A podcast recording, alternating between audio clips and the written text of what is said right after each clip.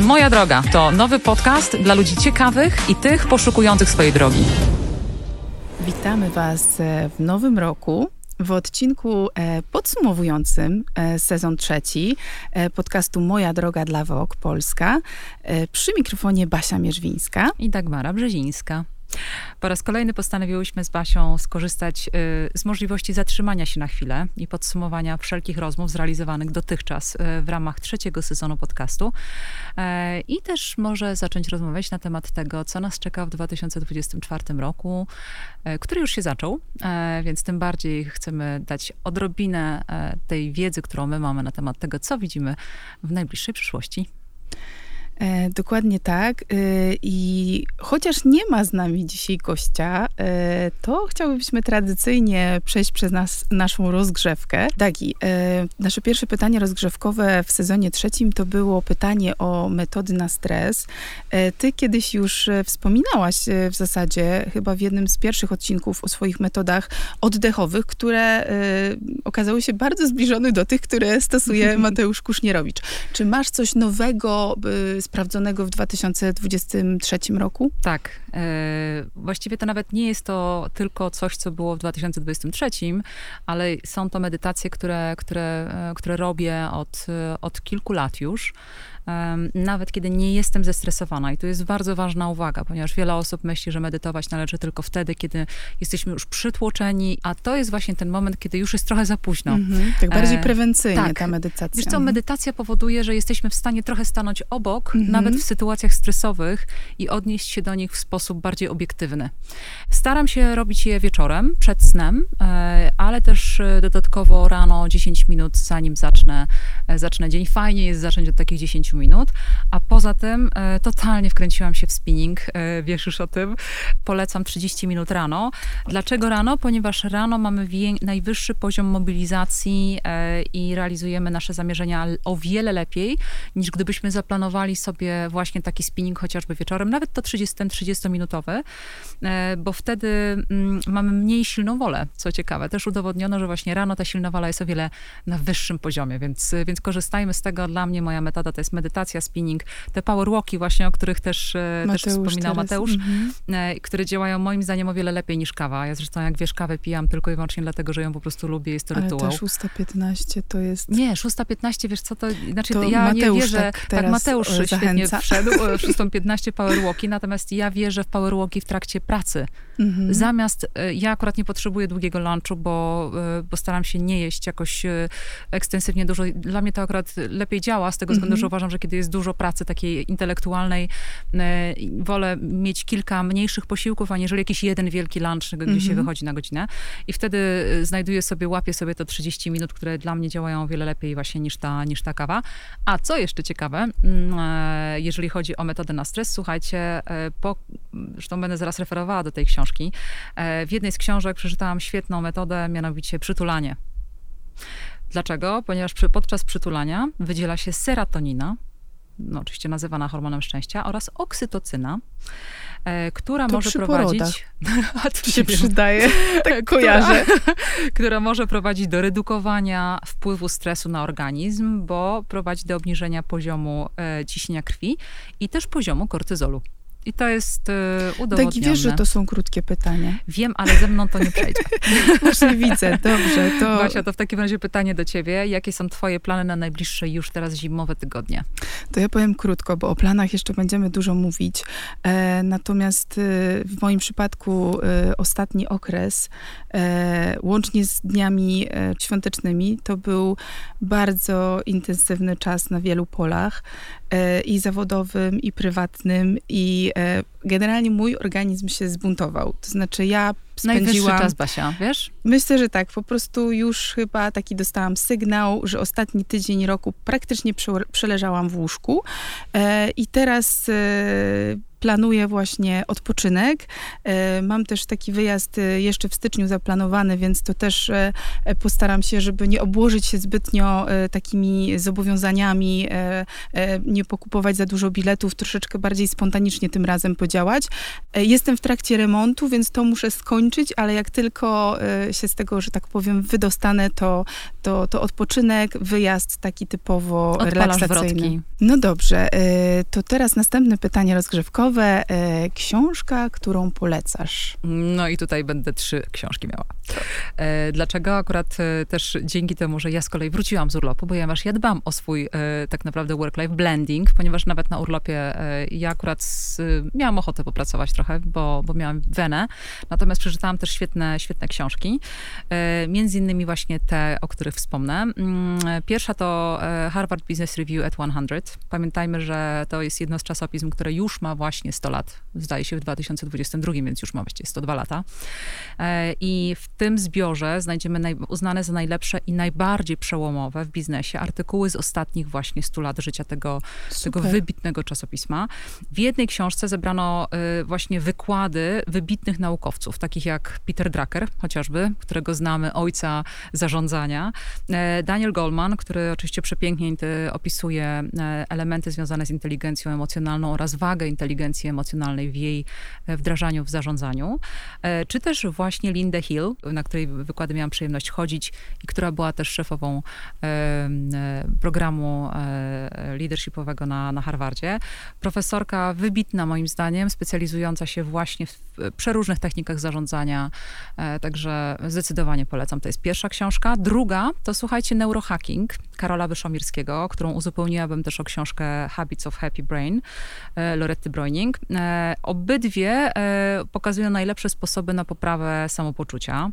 Zwiększają oczywiście świadomość związaną z wiedzą o, o takim funkcjonowaniu naszego mózgu, jego pracy, składników, które potrzebuje właśnie do regeneracji. I tam między innymi właśnie znajdziecie informacje na temat przytulania i tej oksytocyny, serotoniny, dlaczego to jest takie ważne, żeby je świetnie zbalansować przeciwko kortyzolowi. A coś lekkiego? E, Przeczytałaś? Jest też, słuchaj, jest, absolutnie jest. Nie rozwojowego nie, nie, i nie jest. biznesowego? E, są, zresztą mam, później jeszcze przeczytałam dwie książki, jedną, taki pierwszy kryminał, e, który, który jest absolutnie fenomenalny o wyższej klasie, klasie arystokracji Wielkiej Brytanii. Polecam.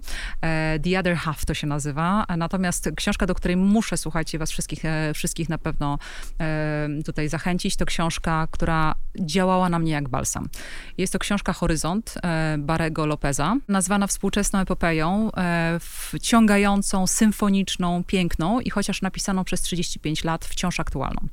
I teraz, kim jest Barry Lopez? Barry Lopez jest amerykańskim eseistą, e, znanym z prac poświęconych ochronie środowiska e, i problemom społecznym. W San Francisco Chronicle uznał go za najwybitniejszego autora piszącego o przyrodzie.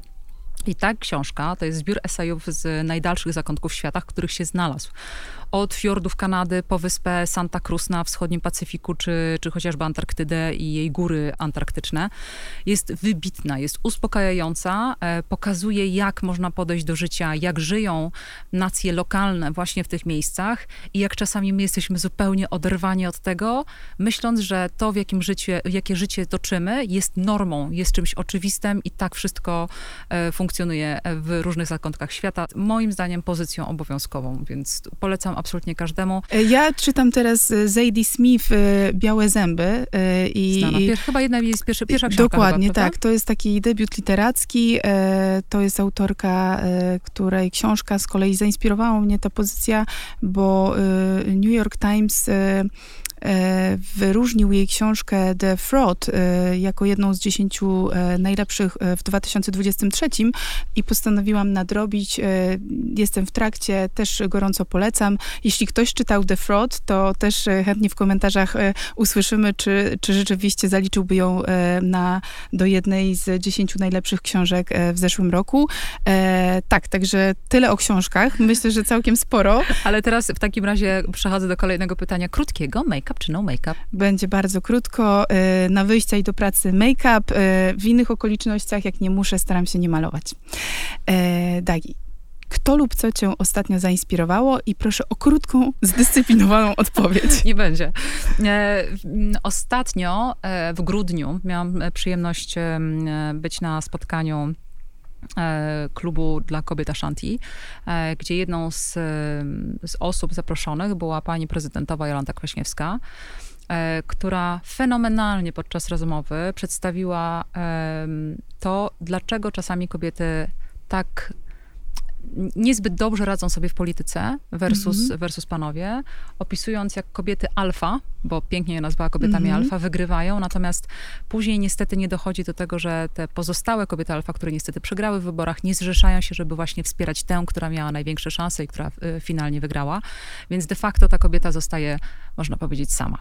E, mega inspirujące, e, bo to była dyskusja, oczywiście y, y, może to brzmieć e, raczej pesymistycznie, natomiast y, dodało mi to też wiatru w żagle, bo pomyślałam sobie, że ten 2024 rok to będzie właśnie rok zrzeszania wokół siebie również e, i w ogóle zrzeszania kobiet, które, które mnie inspirują albo które faktycznie chcą zrobić coś więcej poza swoją pracą, e, chcą działać. I tu nie chodzi absolutnie o politykę, e, tylko działania społeczne chociażby, albo działania, które mają na celu pewnego rodzaju zmiany również, chociażby ekologiczne i tak dalej, i tak dalej. Więc na pewno będę chciała pójść w tym kierunku. Świetny konkret taki tak. na 2024, żeby zwrócić na to większą uwagę, bo myślę, że mamy świadomość, że to jest potrzebne, ale jeżeli sobie tak wpleść to jako taki cel, jeden z takich planów na 2024, to, to myślę, że coś się może z tego tak konkretnego wykluć. Basiu, a jaka była twoja pierwsza płatna praca?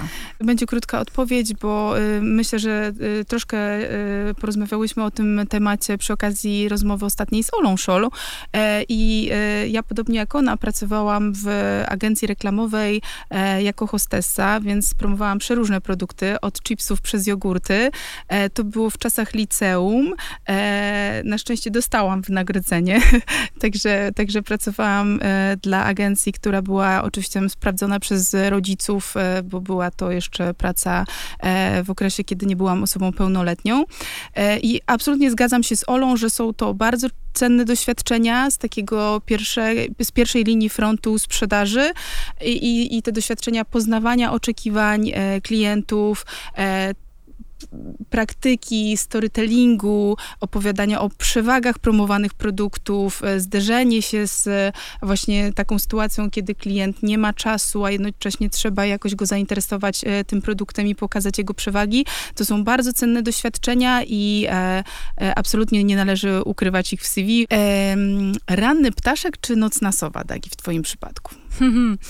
E, na zimę zdecydowanie to jestem, właśnie nie mogę powiedzieć nawet, że jestem nocną osobą, ponieważ ja mogę pójść spać o, o 9 wieczorem i wstać o 7 rano następnego dnia, więc ciężko to nazwać albo nocną osobą, albo rannym ptaszkiem. E, w lato mogę uwierzyć oczywiście w to, że da się, da się być rannym ptaszkiem i bez bólu wstać o godzinie 6. Ja pamiętam, nie wiem, czy pamiętasz, kiedyś miałam taki epizod w swoim życiu, przez pół roku tak. należałam do klubu 5 AM. Dokładnie. E, skończyło się to po pół roku, natomiast ja się osobiście nie czułam najlepiej. Nawyk się nie przyjął. Nie, nawyk się nie przyjął, słuchajcie. Sześć miesięcy powinno dać mi już e, pewnego rodzaju jednak e, e, hindy, że, że to nie jest może mój kierunek.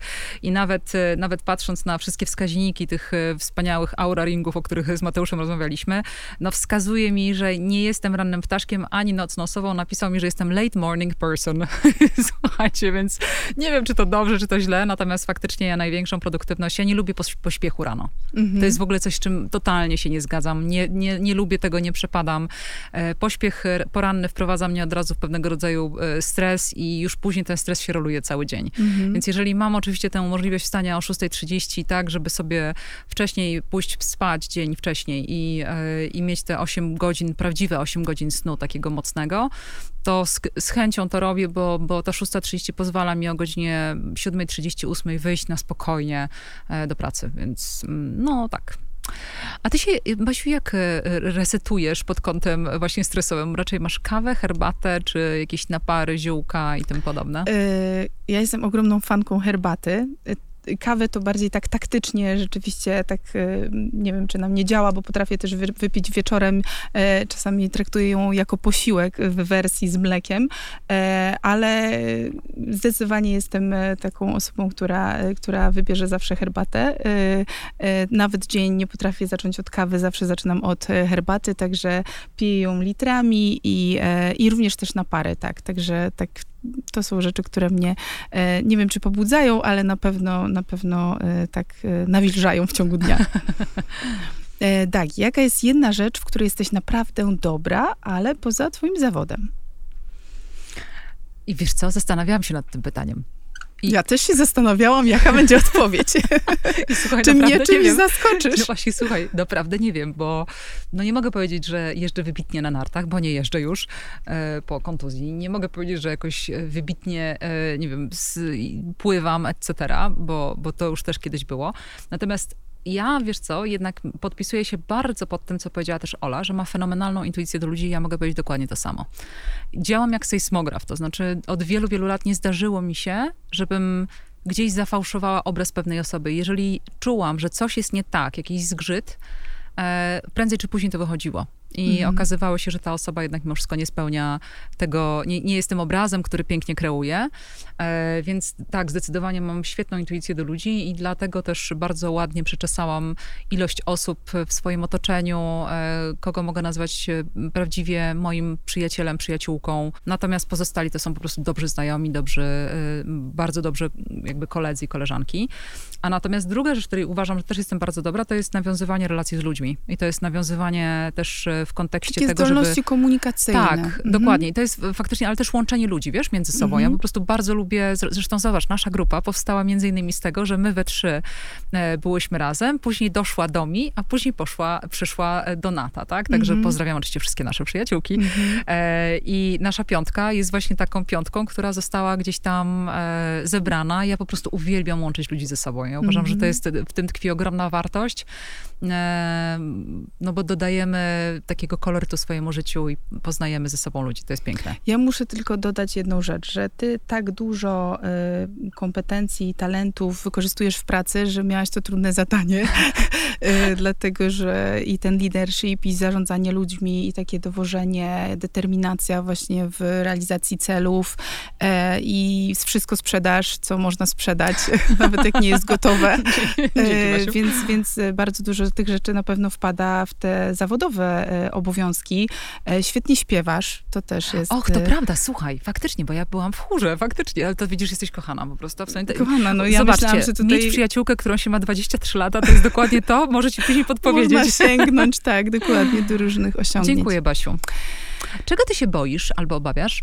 To, czego staram się wystrzegać i zwracać na to uwagę, to jest, żeby nie narzucić moim córkom e, takich swoich sposobów działania i dać im przestrzeń, żeby w takim najlepszym dla siebie tempie, e, zgodnie ze swoimi charakterami, e, uczyły się na swoich błędach, bo mam wrażenie, że mam taką czasami tendencję, że chciałabym przelać na nie e, całą swoją wiedzę z doświadczeń życiowych, pomóc im rozwiązać problemy, e, a tak naprawdę w niektórych przypadkach, w większości być może nawet, e, taką najlepszą nauką i tym, co może dać rodzic, to jest po prostu takie towarzyszenie w przeżywaniu tych trudnych sytuacji. E, I tak, i tego się obawiam, żeby ich po prostu nie przytłoczyć tą swoją opinią, e, właśnie dobrymi radami, czy jakimiś rozwiązaniami. E, I, I cały czas szukam takiego właśnie złotego środka, żeby dzielić się swoją wiedzą, a dawać wsparcie, ale też pozwolić właśnie doświadczać i, i robić rzeczy po swojemu, bo niewątpliwie... Czyli być taką kotwicą y, dla dzieciaków. To jest mega cenna narada, słuchajcie, naprawdę. Bardzo cenna. Ale myślę, że tutaj w tym gronie też możemy sobie powiedzieć, że to jest ogromna trudność e, właśnie kobiet, które są aktywne, ambitne, mają jakieś osiągnięcia i tak e, bardzo dużo działają Ale zobacz, my już jesteśmy w związku z tym e, obciążeniem dla swoich córek. I właśnie o tym chciałam powiedzieć, że z tej pozycji już, że my jesteśmy świadome tego, że chcemy wyciskać z tego życia i zawodowego, i prywatnego jak najwięcej, to już jest takie trochę przytłaczające i obciążające dla tych Dokładnie. naszych dzieci. Więc myślę, że tutaj raczej trzeba się hamować, niż też je popychać do przodu. Mm. To prawda. Dagi, twój plan na idealny dzień. I pamiętaj, że u Mateusza pojawiłyśmy się właśnie w grafiku takiego idealnego dnia, więc mm. możesz mnie jak najbardziej też uwzględnić. Proszę, proszę, jest. Wiesz co, mam wiele różnych, bo ja nie mam chyba jednego, jednej formuły na idealny dzień. Niektóre są takie, gdzie są spokojne dni, e, w których, bo takie, w których się bardzo dużo dzieje. E, pierwsza to oczywiście powolna pobudka, e, wracam do tego jakiejś 6-7 rano, bez pośpiechu, chyba jednak we Włoszech.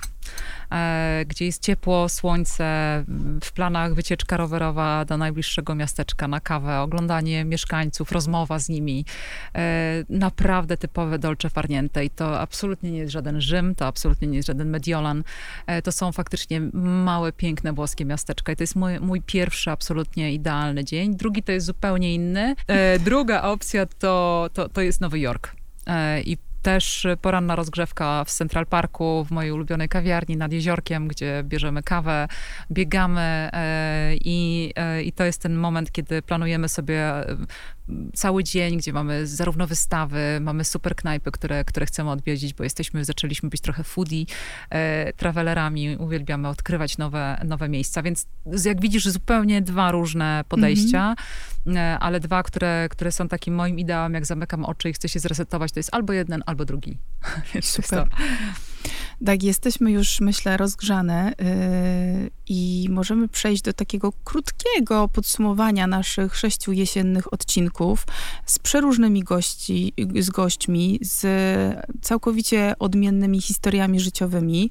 E, myślę, że fajnie będzie przypomnieć sobie te rozmowy i właściwie przede wszystkim trochę je podsumować i wyciągnąć e, wnioski, e, jakie dla nas z nich płyną. Pierwszą gościną, gościnią w studio po wakacjach była Marta Wojtal, niesamowita energia i też e, ogromny talent. E, fotografka, e, którą trudna sytuacja życiowa samotnej mamy e, zmusiła do porzucenia pracy w księgowości i poszukania zajęcia, które e, mogłoby jej pozwolić utrzymać siebie i synka. Tak króciutko przypomnę, że podejmowała się przeróżnych zajęć po drodze. To nie była historia z szybkim happy endem. Była i menedżerką w klubie, i hostessą, ale cały czas konsekwentnie rozwijała swoje hobby, ucząc się w zasadzie metodą prób i błędów, fotografowania to, co dla mnie było takie bardzo inspirujące, oprócz tego, że tak konsekwentnie obok takiej pracy zarobkowej rozwijała ten talent i prawdopodobnie wierzyła, że gdzieś będzie miała szansę e, uczynić z niego jakiś swój sposób na życie, to jest y, takie wystawianie się na y, taką krytykę konstruktywną y, wśród profesjonalistów. Także była samoukiem, ale znalazła metodę, żeby uczyć się od najlepszych e, i w mniej lub bardziej anonimowy sposób zalogowała się do tego forum e, fotograficznego i tam wystawiała swoje prace i rzeczywiście e, po prostu internalizowała te wszystkie wskazówki, uwagi i dążyła do po prostu podnoszenia tych swoich umiejętności. Także mm, to, to, to, to mnie niesamowicie zainspirowało zainspirowało i e, dziś musimy powiedzieć, że Marta e, nie dość, że prowadzi szkolenia sama z fotografii, to po prostu jest e, bardzo rozchwytywaną fotografką i realizuje kampanie reklamowe dla topo, topowych marek. Wiesz co, historia Marty też pokazuje, jak ważna jest rola motywacji do osiągania celów. Jeżeli wierzymy bardzo mocno w to, co chcemy osiągnąć i dlaczego chcemy to osiągnąć, bardziej dlaczego, czyli wiemy dokładnie, jaka jest motywacja. Do gruntu w nią e, naprawdę wierząc i widząc w niej ten główny e, bodziec do działania, to zawsze będziemy dążyć do osiągnięcia tego celu czy go osiągniemy w 100%, czy chociażby w 90%, i mając odpowiednią motywację, tam właśnie dojdziemy. I Marta jest tego idealnym przykładem, bo pokazała, jak właśnie z tych forów e, fotograficznych, gdzie, jak pamiętasz, opisywała, że wsadziła to, to zdjęcie, gdzie tam para, para młodych z jakimiś doklejonymi ptaszkami, e, tak. jakimiś wróbelkami, Przeszła długą drogę, jeśli chodzi o te umiejętności drogę. fotografowania. E, natomiast to też pokazało, jak ona była bardzo zdeterminowana, żeby osiągnąć sukces. I ta determinacja to jest właśnie ta motywacja, do tego, żeby powiedzieć, ok, chcę wyjść z trudnej sytuacji finansowej, bo też opowiadała o tym, że właśnie była w trudnej sytuacji finansowej.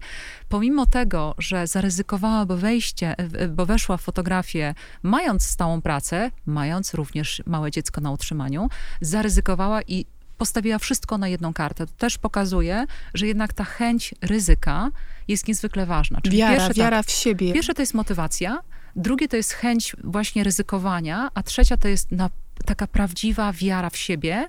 Że sobie dam temu, radę. Tak, że dam sobie radę. Zobacz, były piękne jej słowa, która, kiedy powiedziała, ale wiesz co, ja wierzę w siebie. Ja wiem, że ja zawsze dam sobie radę. I słuchajcie, to jest coś, z czego warto się nauczyć, bo to pokazuje, oczywiście do, tych metod na, na to, jak dać sobie radę i też przy okazji, jak uwierzyć w siebie, jest wiele. E, zacznijmy stopniowo od tego, żeby chociażby dostać feedback z drugiej strony, od kogoś niezwiązanego z nami emocjonalnie, kto I może nam powiedzieć... te swoje cele i marzenia, tak? Bo najpierw trzeba w ogóle wiedzieć, jeżeli czuję, że jestem w złym miejscu, albo dokąd ja zmierzam, co jest moim celem. I to jest u Marty y, niezwykłe, czyli to są takie elementy, które mnie niezwykle y, właśnie zainspirowały, a ostatnia rzecz, słuchajcie, to są relacje. Zobaczcie, jak ona dużo e, działała na relacjach. Ona zresztą sama powiedziała, my z moj, ja z moimi klientami teraz mam nawet relacje przyjacielskie.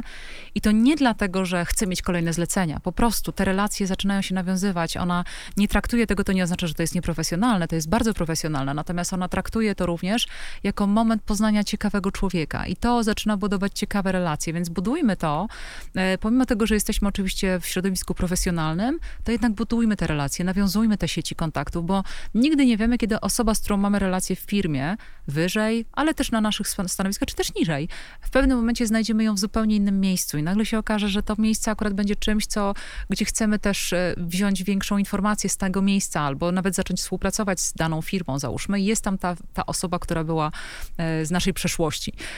Budujmy to, słuchajcie, relacje i budowanie takich e, prawdziwych sieci kontaktów jest kluczowe, więc u Marty ja biorę ze sobą dokładnie te, te, te elementy. Niezwykle inspirująca rozmowa. Ja tylko dodam na koniec, bo jej historia jest naprawdę filmowa i rzeczywiście dodałabym tylko do tego wszystkiego, że e, jeżeli ktoś uważa, że nie ma kapitału społecznego, bo pochodzi z trudnej sytuacji rodzinnych, ma, rodzinnej, Marta nie miała wsparcia e, w zasadzie w rodzicach, e, w tacie myślę, że emocjonalnego, w mamie emocjonalne myślę, że było, ale też finansowego nie było.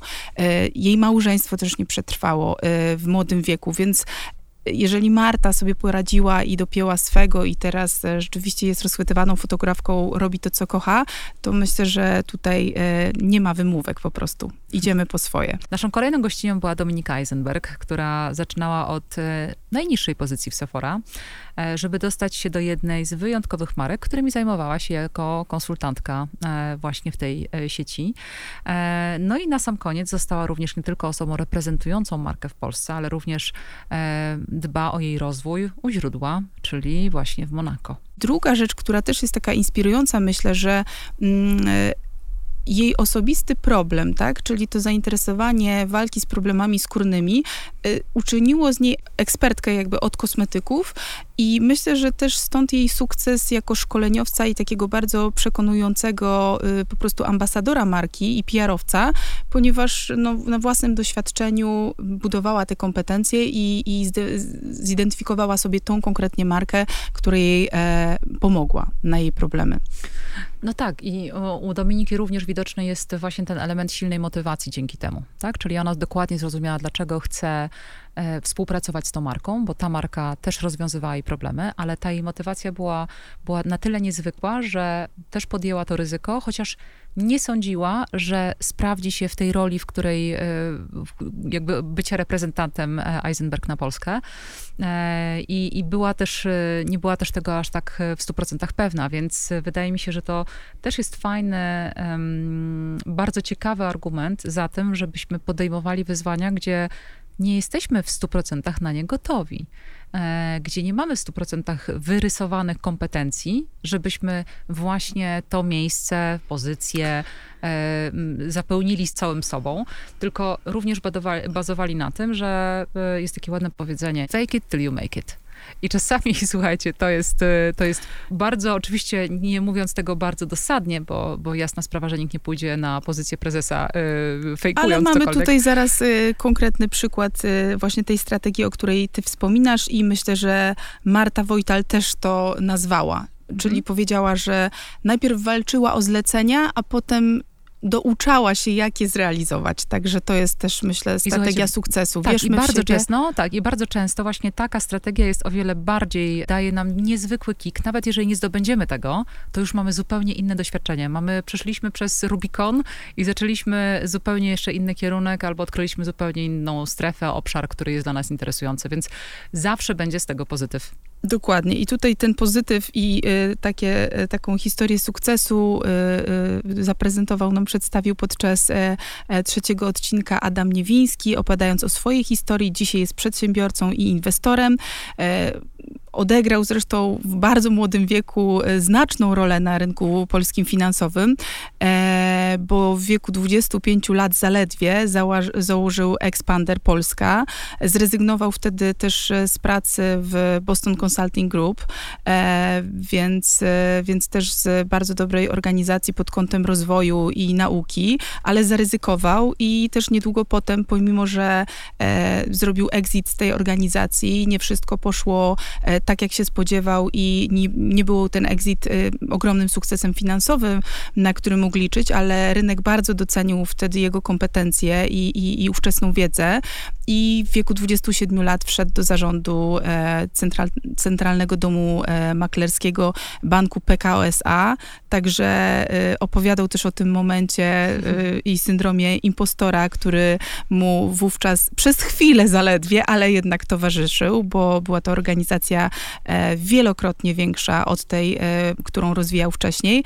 Natomiast tutaj rzeczywiście znowu sprawdziło się takie podejście, że żebyśmy po pierwsze nie oglądali się za siebie, nawet jeżeli jesteśmy w ciekawym miejscu, ale mamy już gdzieś wymyślony kolejny krok albo jakąś e, okazję, ofertę, to rzeczywiście podejmowali to ryzyko, e, tak jak wielu naszych gości e, tutaj mówi i Ola Scholl też, e, zawsze sobie poradzimy, zawsze można zrobić krok do tyłu, ale jeśli nie zaryzykujemy tego kroku do przodu, nawet jeśli się nie czujemy w pełni gotowi, to nigdy go po prostu nie zrobimy, bo mhm. na 100% gotowi nie będziemy nigdy.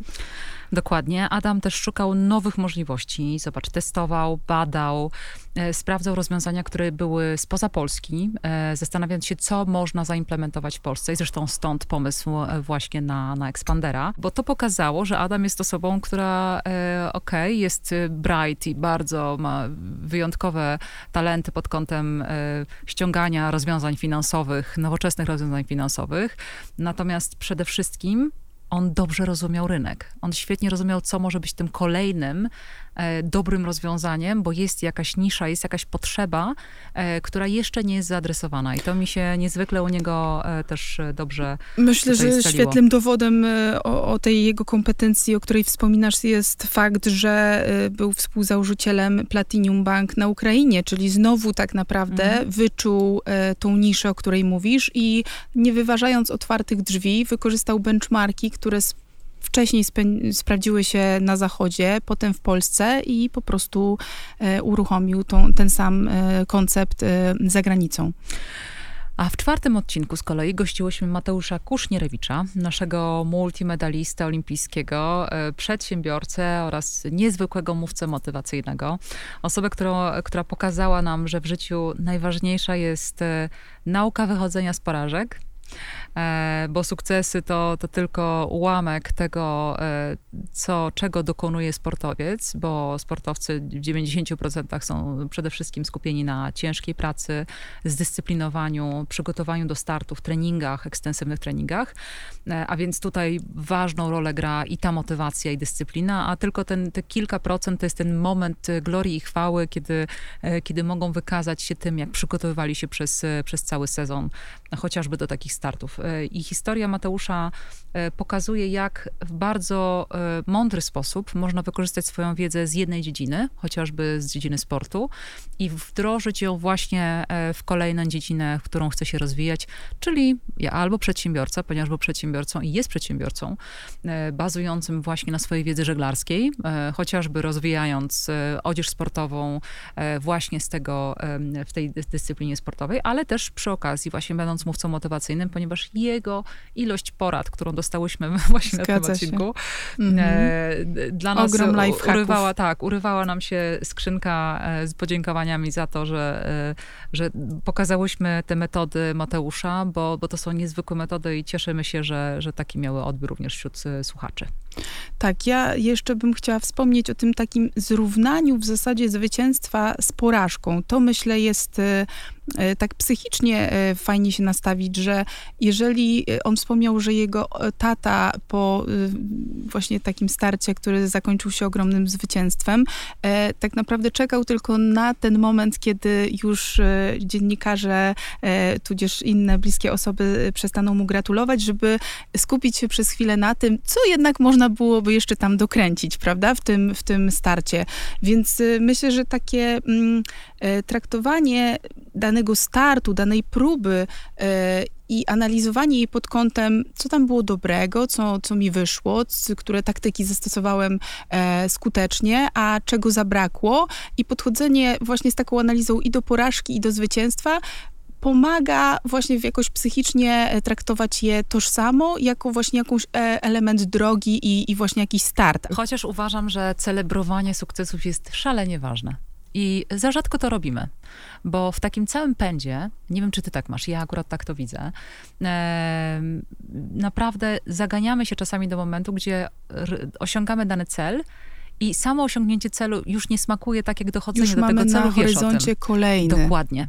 I to jest najgorsze, że my ten cel, chociażby ten pośredni, powinniśmy celebrować. Powinniśmy e, gratulować sobie, zespołom za to, że osiągnęliśmy to, do czego zmierzaliśmy, chociaż naprawdę, uwierzcie nam, osiąganie celu jest najciekawsze właśnie wtedy, e, kiedy do niego dochodzimy. Czyli wcale nie osiągnięcie tego celu i nie bycie w 100% już e, na tym szczycie, bo później się nagle okazuje, że ten szczyt wcale to nie jest tak, że, że to już smakuje najlepiej jak się da, tylko już widzimy kolejne. Więc dochodzenie do szczytu fajnie, natomiast celebrujmy też moment osiągnięcia tego sukcesu i osiągnięcia celu.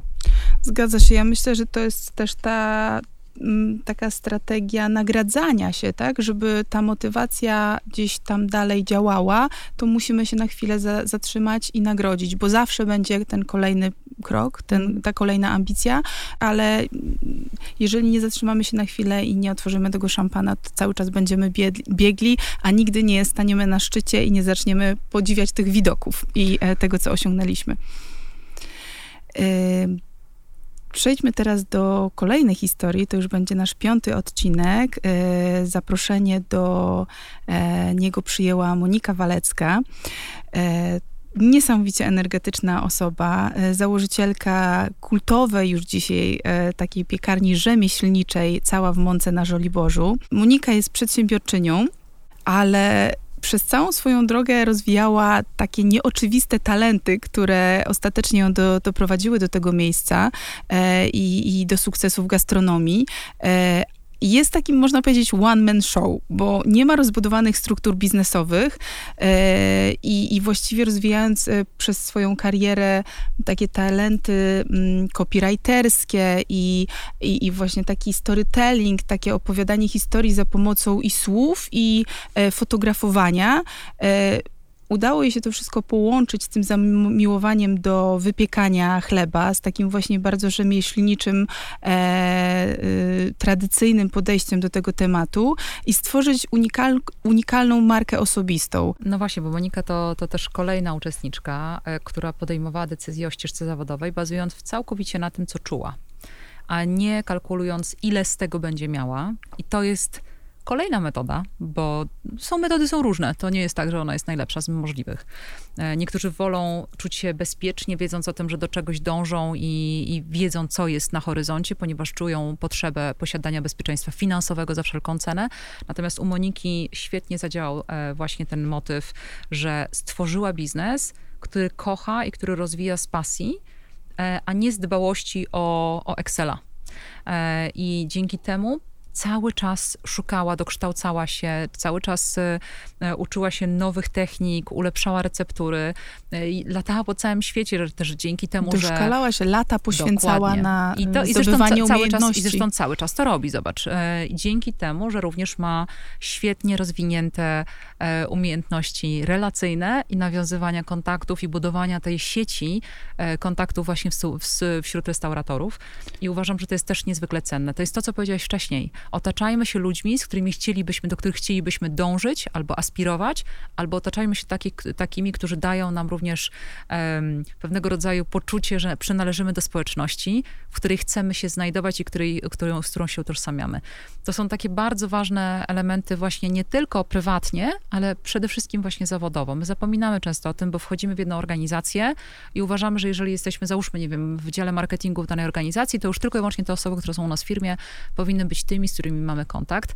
A to jest błąd, bo jeżeli chcemy w tym marketingu faktycznie zdobywać góry i, i tworzyć wybitne kampanie e, ogólnoświatowe, to wtedy powinniśmy tworzyć taki, e, taką sieć kontaktów, która wyjdzie poza jedną organizację, wyjdzie poza wiele organizacji w Polsce i pójdzie o wiele szerzej, czyli e, międzynarodowo. E, myślmy skalą. I u Moniki świetnie to wyszło. Świetnie pokazała, że myślenie skalą e, i, e, i ta świadomość, że jestem pewna swoich umiejętności, czyli po raz kolejny, zobacz, kolejna uczestniczka wierząca w swoje umiejętności, e, spowodowało, że stworzyła biznes, który świetnie działa. E, no i tak jak wspominałyśmy, wiemy jakie są, jakie stoją za tym cyfry i uważamy, że jest to po prostu spektakularne.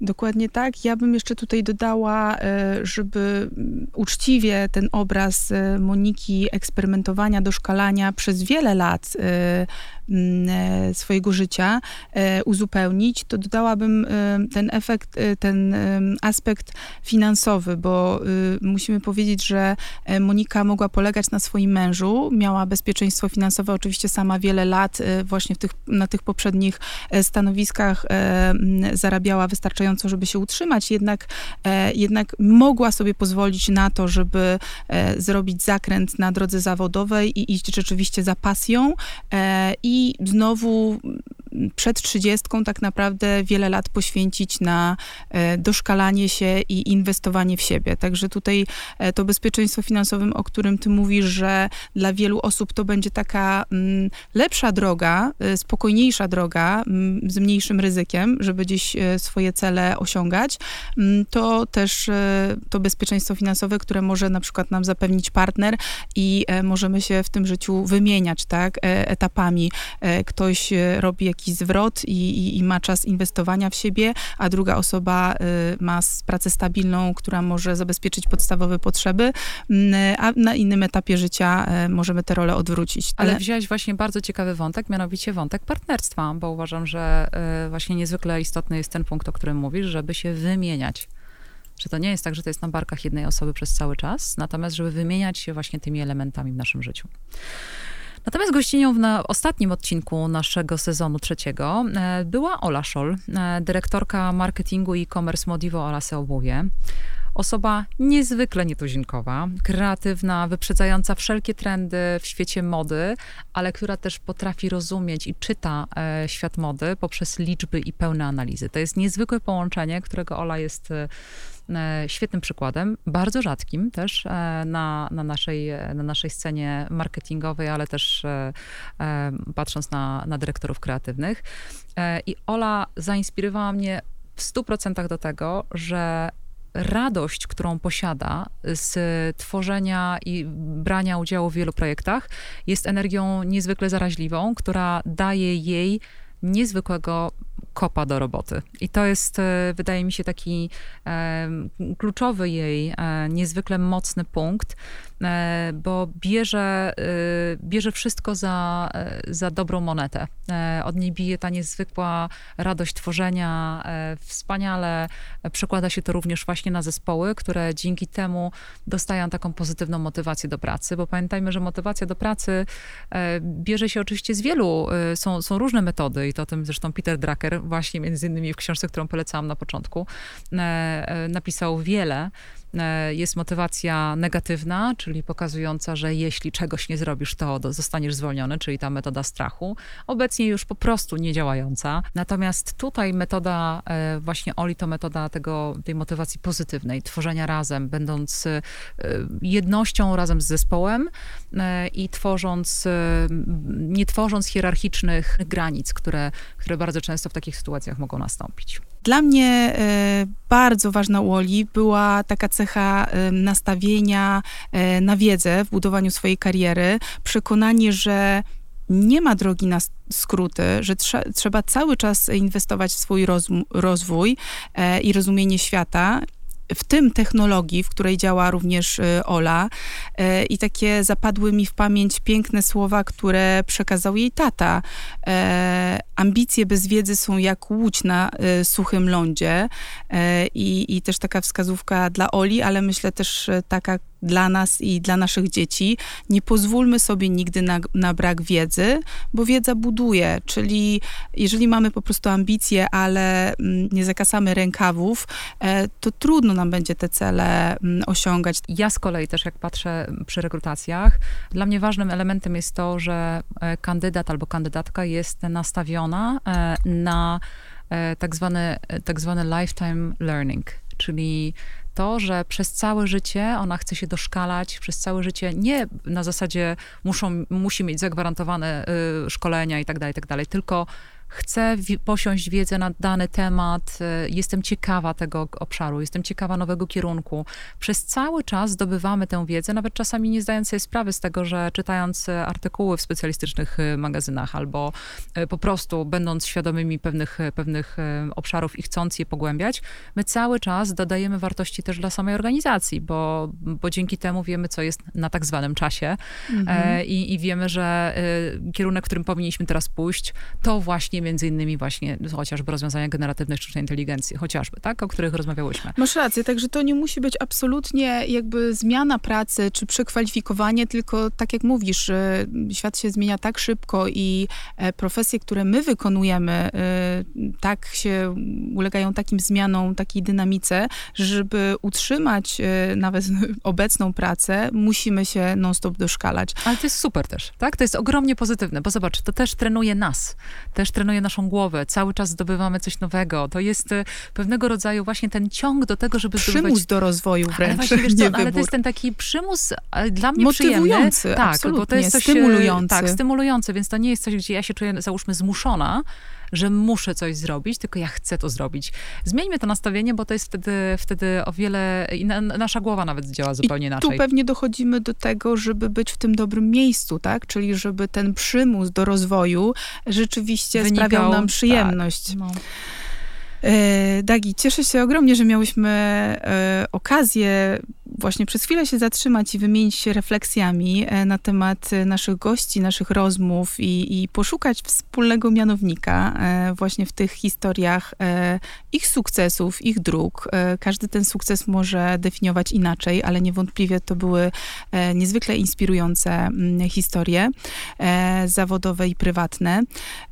Ja chyba naj, najmocniej dla siebie podkreśliłabym ten wniosek tej odwagi właśnie, że żeby sięgać bardzo y, wysoko i, y, i definiować cele nie w takim bliskim zasięgu, ale właśnie takie odważne cele mhm. i, i, i, znajdywać y, sposoby, również korzystając choćby z pomocy osób trzecich, czy z rad, tak jak mówił Mateusz, że nie obawia się trudnych sytuacji, czy biznesowych, czy życiowych, bo, bo ma wokół siebie ten network ludzi, którzy służą radą.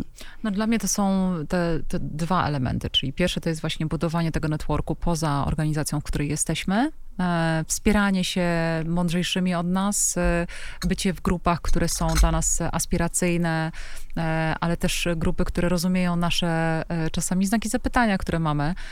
I to jest pierwsze. A drugie to jest ta siła prawdziwej motywacji. Nie motywacji dlatego, że wszyscy tak mówią, albo pierwsza rzecz, która przychodzi nam do głowy, tylko prawdziwej, głębokiej, tkwiącej w nas motywacji. Dlaczego chcemy być w tej organizacji? A dlaczego akurat ta... Zadawajmy sobie pytania. Tak, dlaczego? dlaczego? Dokładnie. Zacznij, Simon Sinek zresztą ma świetną książkę Begin with Why. Polecam, bo, bo tam właśnie między innymi do momentu, aż nie dojdziesz do końcowego pytania why, na którego już nie jesteś w stanie odpowiedzieć, to znaczy, że już doszedłeś do dna e, tego problemu albo, e, albo jakiegoś obszaru, który chcesz e, pogłębić. Więc zadawajmy pytania dlaczego, dlaczego, dlaczego. I to jest ta motywacja, czyli te dwie rzeczy. Myślę, że to jest świetna puenta właśnie dla, dla podsumowania tych rozmów o rozwoju. Mamy jeszcze trochę czasu i może uda nam się omówić trendy i nasze oczekiwania w związku z świeżo rozpoczętym 2020 2024 roku. Ja wybrałam e, kilka trendów, które mnie e, zaintrygowały, tudzież e, wiem, że będą rzeczywiście miały duży wpływ na biznes i życie społeczne w 2024 roku, ale też przyglądałam się ryzykom i korzystałam z takich kilku głównych źródeł. To jest tradycyjnie The Economist, e, Financial Times. E, sięgnęłam też do takiego raportu e, Accenture Life Trends i sięgnęłam również do styczniowego Forbesa. Zosia się uśmiecha. Tak, możecie tam znaleźć też moje wskazówki na temat tego, jakie widzimy kierunki w przywództwie na 2024 rok, ale ja dzisiaj o tym akurat nie będę mówiła. Tak, to ja może właśnie e, troszeczkę cię zacytuję e, i e, tak szybciutko przechodząc przez takie trendy twarde, mocno biznesowe, to tutaj nie będę oryginalna. Na pewno na pierwszym miejscu należałoby wymienić sztuczną inteligencję i automatyzację, ale troszeczkę pod innym kątem. To znaczy wiemy, że 2023 rok to było odmienianie już tego hasła przez wszystkie przypadki, ale o ile tak naprawdę 2023 rok to jest taki czas e, eksplozji popularności samego narzędzia wśród użytkowników, bo chyba, jeśli nie, nie, e, nie pomylę teraz liczb, to w ciągu dwóch miesięcy 100, 100 milionów użytkowników testowało e, właśnie systemy sztucznej inteligencji zapytaniami. I o ile tak naprawdę 2023 rok to był w technologii wyścig w budowaniu takich systemów, które będą naśladować człowieka w tworzeniu tekstów i obrazów, to 2024 rok ma nam przynieść e, sprawdzian tej obietnicy, e, w szczególności biznesu i właśnie inwestorów, czy rzeczywiście e, możemy liczyć na monetyzację i zwiększenie wydajności z tytułu zastosowania e, mm, e, generatywnej inteligencji w biznesie i czy tak naprawdę konsumenci będą gotowi e, za takie rozwiązania dodatkowo płacić, bo wiemy, że już dzisiaj e, sztuczna inteligencja jest e, wbudowywana w narzędzia takie jak edytory tekstów, w wyszukiwarkę czy, czy w arkusze kalkulacyjne. Także tutaj myślę, że jest duży znak zapytania, pytania i o tempo y, tej monetyzacji i o to, jak y, rzeczywiście ryzyka również z nią związane wpłyną na na rzeczywiście takie korzyści wydajnościowe, biznesowe, tak? I ja mam bardzo e, podobny punkt, jeżeli chodzi o trendy, więc jesteśmy bardzo spójne, czyli poskramianie i wykorzystanie w pracy, ale nie tylko w pracy, właśnie narzędzi generatywnej sztucznej inteligencji. I ja tutaj w sumie mogłabym się odnieść do, do niektórych informacji, które przekazuje Jowita Michalska, nasza gościni z poprzedniej edycji, z poprzedniego sezonu. Zaglądajcie na jej konto na Instagramie. Jowita podaje tam kilka bardzo ciekawych informacji, informacji na temat aplikacji, które wykorzystują właśnie sztuczną inteligencję, e, chociażby do przygotowania prezentacji albo do edycji e, filmów, edycji zdjęć, ale też oczywiście e, najlepszą do przygotowania tekstów albo do redagowania tekstów. Więc zdecydowanie takie poskramianie tej właśnie sztucznej inteligencji w tym roku to będzie ten trend, który, na, na, który, na który absolutnie stawiam. Zresztą wyobraź sobie, że właściwie to odnośnie też technologii, to od razu powiem coś, co mnie z kolei bardzo zaskoczyło. E, mianowicie, nie wiem, czy wiesz, że w 2024 roku e, będzie wysyp wylotów sąd kosmicznych e, badających naszą galaktykę, między innymi również oczywiście z wykorzystaniem narzędzi generatywnej sztucznej inteligencji. To jest, to jest też niezwykłe, nie, niezwykłe, że następuje tak ogromne przyspieszenie właśnie w, w badaniach kosmosu. I tu zaczynając od Chin, które w maju będą miały misję zlądowania lądowaniem robota na Księżycu. Już dawno tego nie było. A od września do grudnia aż cztery różne starty sąd kosmicznych z trzech agencji kosmicznych, między innymi japońskiej, hinduskiej czy z NASA, będą badały naszą przestrzeń kosmiczną od Księżyca Ziemi, bo tutaj będzie lot dookoła Ziemi, wyobraź sobie też w tą ciemną stronę. I tutaj amerykańska sonda kosmiczna z astronautami na pokładzie będzie właśnie leciała dookoła Księżyca. E, po Księżyce Marsa, wyobraź sobie Phobos i, i Deimos i tam e, tutaj e, agencja japońska będzie pobierała próbki. Księżyc Jupitera, więc w ogóle też absolutnie niesamowite. A tutaj NASA będzie mocno też pobierała próbki, ponieważ właśnie na Księżycu Jupitera, największym Europa, może znajdować się pod powierzchnią woda, co może również być jednym z elementów stanowiących o tym, że jest tam życie również pozaziemskie, Oczywiście w formie, której nie znamy takiej jak na Ziemi, ale, ale ewidentnie coś może się tam kryć. No i na samym końcu Wenus, e, czyli analiza, analiza Wenus robiona przez e, sondę, e, przez sondę hinduskiej agencji kosmicznej ISRO. Więc to jest niesamowite, jak wykorzystujemy generatywną sztuczną inteligencję. Odleciałyśmy oczywiście teraz w kosmos, ale, ale widzimy, jak wiele miejsc będzie tymi miejscami, które wykorzystują i przyspieszają rozwiązania technologiczne, które wcześniej nie były po prostu możliwe. Ale żebyśmy w sumie nie były już takie zupełnie e, za, zakręcone wokół całego digitala i wykorzystywania generatywnej sztucznej inteligencji, to nie wiem, czy wiesz, że teraz nadchodzącym trendem który jest bardzo widoczny, to jest właśnie coś, co się nazywa digital detox. Jest to połączone zdecydowanie z rosnącym zainteresowaniem wszelkimi technikami mindfulness. W kontrze oczywiście do tego ruchu osób z FOMO, czyli e, Fear of Missing Out, czyli osób, które boją się e, wyjść z sieci, z social mediów. I e, nie wiem, czy wiesz, że według Global Web Index ostatnie badanie właśnie przeprowadzone na użytkownikach internetu w wieku od 16 do 64 lat z Wielkiej Brytanii oraz Stanów Zjednoczonych wskazuje, że 7 na 10 osób próbowało ograniczyć swoje cyfrowe konsumpcje w 2023 roku, a tak naprawdę dotyczy to ostatniego półrocza. 37% respondentów usunęło niektóre aplikacje lub programy w ciągu ostatniego miesiąca, a wyobraź sobie, że 35% świadomie korzysta z przerwy, z korzystania z aplikacji, które trwają kilka do kilkunastu godzin. Więc widać ten trend. E, co ciekawe, również e, połączony z tym, że e, prawie jedna czwarta respondentów stwierdziła, że wyłączyła wszystkie powiadomienia na telefonie, żeby właśnie zmniejszyć ten, ten moment defokusu.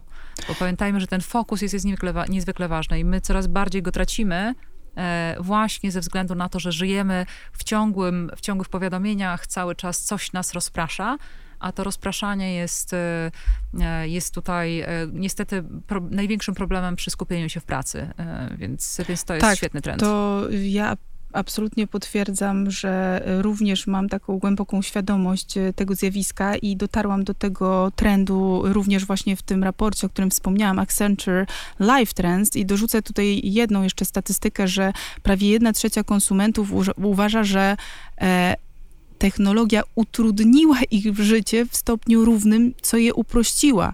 Czyli tak naprawdę. Mm, e, ludzie zauważają e, te negatywne skutki związane z technologią, to, że ona nas tak intensywnie otacza i z, i z jednej strony ułatwia nam pewne rzeczy, ale z drugiej skazuje nas na obcowanie non-stop z tym niebieskim ekranem i właśnie byciem cały czas e, gotowym na od na odebranie kolejnych informacji i e, możliwość zareagowania, więc jesteśmy w pewnym sensie niewolnikami technologii. Ja tak osobiście sobie zdefiniowałam taki e, powiedzmy trend, a raczej takie, mm, takie oczekiwanie i życzenie, żeby rzeczywiście ten 2024 rok był takim rokiem uregulowania naszych relacji z tą technologią. I mamy te oczekiwania, jeśli chodzi o wzrost wydajności e, i, i monetyzację tych wszystkich e, systemów e, generatywnej sztucznej inteligencji. Natomiast technologia, y, sztuczna inteligencja nasiliła pewne ryzyka już występujące, y, a też y, zupełnie wygenerowała nowe. I o nasileniu tutaj wspomniałabym o tym zjawisku zamykania się w bańkach informacyjnych, dlatego że z jednej strony już w wyborach w Stanach Zjednoczonych czy, czy przy Brexicie widzieliśmy, jak ogromny wpływ na opinię, na wyniki właśnie takich wyborów czy referendów ma możliwość e, personalizacji komunikatów i e, i manipulowanie też. Automatyzacja y tych, y tych, tych informacji, które są dopasowywane do nas. Z jednej strony my jako konsumenci oczekujemy najlepiej dostosowanej do nas oferty, jeśli chodzi o jakąś ofertę biznesową, ale z drugiej strony zamykamy się na źródła. Także musimy, myślę, e, ten rok 2024 przepracować pod tym kątem, żeby otwierać się właśnie świadomie, wyszukiwać informacji, poszukiwać wiarygodnych źródeł,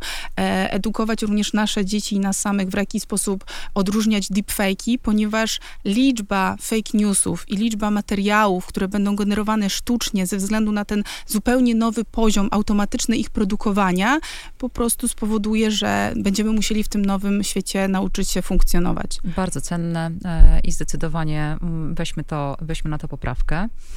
A ja z kolei wypisałam sobie też ostatni trend, bo tak stwierdziłam, że trzy to będzie tak i tak e, enough. E, to trend, który teraz widzimy w firmach coraz bardziej, co mnie bardzo cieszy, mianowicie przejście w stronę e, leadershipu empatycznego który charakteryzuje się tym, że mamy lidera oczywiście wymagającego, ale też bacznie obserwującego osoby w zespole, ich motywacje, chociażby też ich dobrostan, podchodzenie do każdej osoby w zespole osobno, e, nie patrzenie na zespół jako całość, tylko dostrzeganie konkretnych jednostek i zastanawianie się, co może motywować daną osobę. Aktywne słuchanie, czyli nie system nakazowy, gdzie, gdzie lider cały czas e, siedzi i mówi, tylko aktywne słuchanie e, i, i pełne stawianie na, na inkluzywność chociażby, czyli zrozumienie zalet tej różnorodności w zespołach, tego, że nie klonujemy osób w zespole. Nie mamy zespołu, który jest tylko i wyłącznie zespołem, tutaj się posłużę oczywiście e, danymi z insightów, e, czyli czerwonymi, które mają określony charakter, e, wysoką asertywność, wysoką mobilizację na cel, ale też tak zwanego koloru zielonego, którzy, które są to osoby, które patrzą na, na między innymi relacyjność, na budowanie zespołu w sposób emocjonalny i, i budowania też relacji. Więc to są osoby, liderzy empatyczni, to są właśnie osoby, które, które rozumieją wagę tego, tej inkluzywności, rozwiązują konflikty z, poszan z poszanowaniem obydwu stron, nie narzucając pewnego rodzaju rozwiązań. I to się świetnie łączy właśnie z jednym z kluczowych elementów, które teraz mamy, czyli właśnie z ESG czyli e, właśnie tym, co, e, co zresztą podejrzewam, że będziesz o tym e, też może więcej mówiła, natomiast ESG to jest, to jest pewnego rodzaju zasada funkcjonowania firm, które działają w poszanowaniu zarówno środowiska naturalnego, grup społecznych, które są również wewnątrz organizacji i całego governance'u, czyli bycia przejrzystym, transparentnym, jeżeli chodzi o działania organizacyjne. Jak najbardziej jednym z trendów w 2024 roku będzie mm, priorytet biznesowy mm, w postaci e, zrównoważonego rozwoju, co wynika wprost e, między innymi z wejścia w życie mm, unijnej dyrektywy, która zobowiązuje duże firmy do raportowania emisji CO2.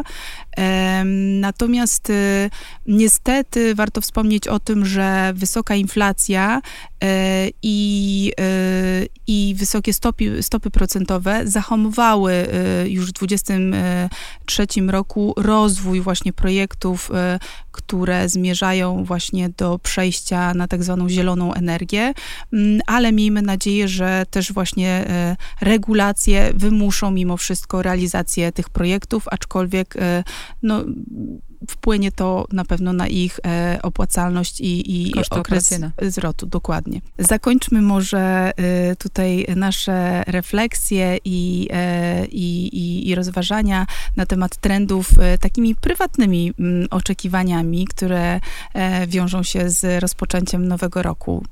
Wiesz co, jak, jak, jak wiesz, ja nie robię też postanowień noworocznych, zresztą tu jesteśmy spójne, bo, bo jeżeli ktoś zaczyna coś od pewnej daty, to później jak się to nie powie zapowiedzie, to później trzeba czekać na tę datę kolejne 11 miesięcy. Każdy e, dzień jest tak, dobry, każdy żeby dzień coś jest planować. Idealny, dokładnie. Mm -hmm. Więc 2024 e, rok i tak i tak e, lubię mieć pewne, pewne plany na horyzoncie. Więc jak wiesz, ja lubię podróżować mając w głowie już pewnego rodzaju wystawy, które chcę obejrzeć. Czy właśnie teatry, które, które chcemy, spektakle, które chcemy zobaczyć w teatrach, czy też restauracje. Robię na pewno takie rezerwacje o wiele wcześniej i czekam na te wystawy z utęsknieniem. Ja zdradzę też jeden przepis na sukces, jeżeli chodzi o wejścia na e, najbardziej oblegane wystawy, chociażby Victorian Albert Museum w Londynie, e, co przetestowałam właśnie na koniec zeszłego roku. To dla mnie wskazówka tak, bardzo na bardzo, czasie. Bardzo dobra wskazówka. Najlepiej kupić sobie kartę członkowską i tutaj w Victorian Albert Museum kosztuje to 112 funtów dla ciebie oraz osoby towarzyszącej i to daje ci wejście na wystawy, na które już zostały wyprzedane bilety. Ja tak zrobiłam między innymi właśnie z wystawą Gabrielle Chanel, więc jeżeli jeszcze jej nie widziałaś, to wiem, że do lutego jest ona jeszcze e, możliwa do obejrzenia właśnie dzięki, dzięki takiej, takiej funkcjonalności, e, którą zdecydowanie polecam. Tym bardziej, że jesteś już wtedy w kręgu osób, które dostają najnowsze informacje na temat wystaw. I te, które mnie najbardziej zainteresowały właśnie z VNA, to Fragile Beauty. to, jest, to jest cała wystawa fotografii z kolekcji Eltona, e, Sir Eltona Johna oraz Davida Furnisha, e, która zaczyna się 18 maja e, tego, tego roku. Jest to selekcja najlepszych e, fotografów, e, którzy pokazują historię zarówno współczesną, jak i e, również dotykającą różnych aspektów, od mody po, po życie na ulicy tak zwane, czyli reportaże, czy też, czy też ludzkie ciało. I to jest absolutnie piękna, przepiękna wystawa. Widziałam już zajawkę, wygląda spektakularnie. A druga, na którą czekam, to jest Naomi. Historia Naomi Campbell dla wielu kontrowersyjna postać. E, moim zdaniem niezwykła w swoim dążeniu do, do też e, wyjątkowych e, celów, które, które sobie stawiała w życiu. Niezwykła również pod kątem tego, że jest aktywistką działającą na rzecz osób o ciemnym kolorze skóry. Wyjątkowa, fenomenalna moim zdaniem wystawa, która się szykuje od 22 czerwca 2024 roku. No i oczywiście też czekam na otwarcie i otwarcie wielkich zasobów National Gallery, e, ponieważ obchodzi swoje e, dwustulecie. I e, z tej okazji w całej Wielkiej Brytanii będę, będzie można podziwiać najsłynniejsze dzieła właśnie z kolekcji National Gallery, które nie, za, które nie zawsze są pokazywane, są schowane w podziemiach National Gallery, tak żeby połowa populacji Wielkiej Brytanii mogła dotrzeć do tych skarbów narodowych w ciągu godziny drogi. Więc też taka ciekawostka i uważam, że to będzie naprawdę coś, na co warto e, absolutnie warto czekać. A poza tym, słuchaj, wydaje mi się, że e, to, na co zawsze będę stawiała, to podróże i, i tym razem zupełnie nowe kierunki. E, jeszcze bardziej eksplorowanie Szkocji, w której kiedyś już byłam, natomiast to zdecydowanie teraz chciałabym, żeby to było wdłużone w lato. E, nastawiam się na deszcz, nastawiam się, że może być mgliście, natomiast, więc w kontrze do tego, co lubię. Natomiast naprawdę ciągnie mnie w tym kierunku bardzo mocno i pewnie też może Japonia. To jest też kierunek, wow. który bardzo chciałabym zobaczyć. A jak u ciebie, Basiu? Ja w takie dalekie podróże się nie wybieram. E, jestem teraz troszeczkę ograniczona zobowiązaniami. E, między innymi poczyniłam taką niedużą, e, wręcz mikro, powiedziałabym, inwestycję w nieruchomość nad polskim morzem. Jestem w trakcie remontu, więc nie mogę się doczekać, kiedy, kiedy rzeczywiście wykończę i będę mogła też korzystać. Będzie dla mnie miła odmiana, dlatego że teraz mieszkam pod Warszawą i w takim bardziej właśnie podmiejskim stylu prowadzę życie. Wszędzie muszę dojeżdżać samochodem, a tam akurat będzie to e, taka e, lokalizacja, gdzie e, i ukochane korty tenisowe będę miała w odległości trzech minut i plaże w odległości pięciu, ale też wszelkie restauracje kolejnych siedmiu. Także takie miłe... I przyjaciółki, które do ciebie przyjadą. I tak jak wspomniałam, jest to mikronieruchomość, ale absolutnie myślę, że się będziemy przynajmniej w gronie takich cztery, czteroosobowych mogli tam gościć.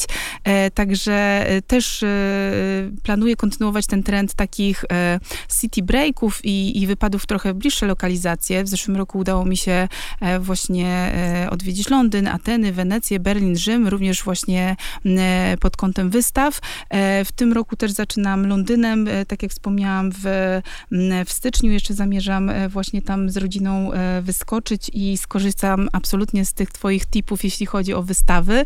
Mam też kilka namierzonych, między innymi wystawę w sercu rebelii, czyli wystawę 30 lat londyńskiej mody i, i tutaj... Super, czyli Vivienne Westwood pewnie. Między innymi The Design Museum we współpracy z British Fashion Council zasilone funduszami Aleksandra, domu mody Aleksandra McQueena po, porwało się na takie przedsięwzięcie. Podobno eksponatami są naprawdę takie smaczki, które przeszły do historii popkultury i, i zapoczątkowały naprawdę światowe kariery projektantów, choćby kontrowersyjna sukienka w kształcie łabędzia, zaprojektowana przez Mariana Pejowskiego, którą Bjork, miała na sobie na mhm. Oscarach. Także, także takie smaczki jak najbardziej tak. Daleko nie wybiegam myślami, bo tak jak powiedziałam, tutaj stawiam... Basia po, uczy się spontaniczności. Uczę się spontaniczności i też dziś priorytetem na takim horyzoncie planów najbliższych jest mimo wszystko reset i odpoczynek, ale podzielę się książką, na którą czekam, bo na pewno wszyscy znamy Siłę nawyku e, Charlesa Duhiga. W lutym e, wychodzi jego nowa książka e, Super Communicators, po polsku Siła komunikacji. E, mam też zaległości absolutnie z 2023 roku, tak jak wspomniałam, choćby Zaidi. E, kupiłam całą kolekcję tutaj jej pozycji wydanych już wcześniej, więc będę, będę nadrabiać. tak. I, I chyba z rzeczy, które trochę są pomostem pomiędzy 2000 2023 a 2024 miałabym taką e, też e, rekomendację, e, żeby, żeby gdzieś znaleźć czas i w 2024 roku zobaczyć film Kobieta z Małgorzaty Szumowskiej i Michała Englerta. Miałyśmy wspólnie okazję e, zobaczyć e, ten film w ramach pokazu specjalnego. E, film miał w ogóle premierę we wrześniu na festiwalu w Wenecji. Mnie ogromnie poruszył i wzruszył. Wiem, że krytycy mm, wypowiadają się też o tym filmie używając takiego epitetu nierówny.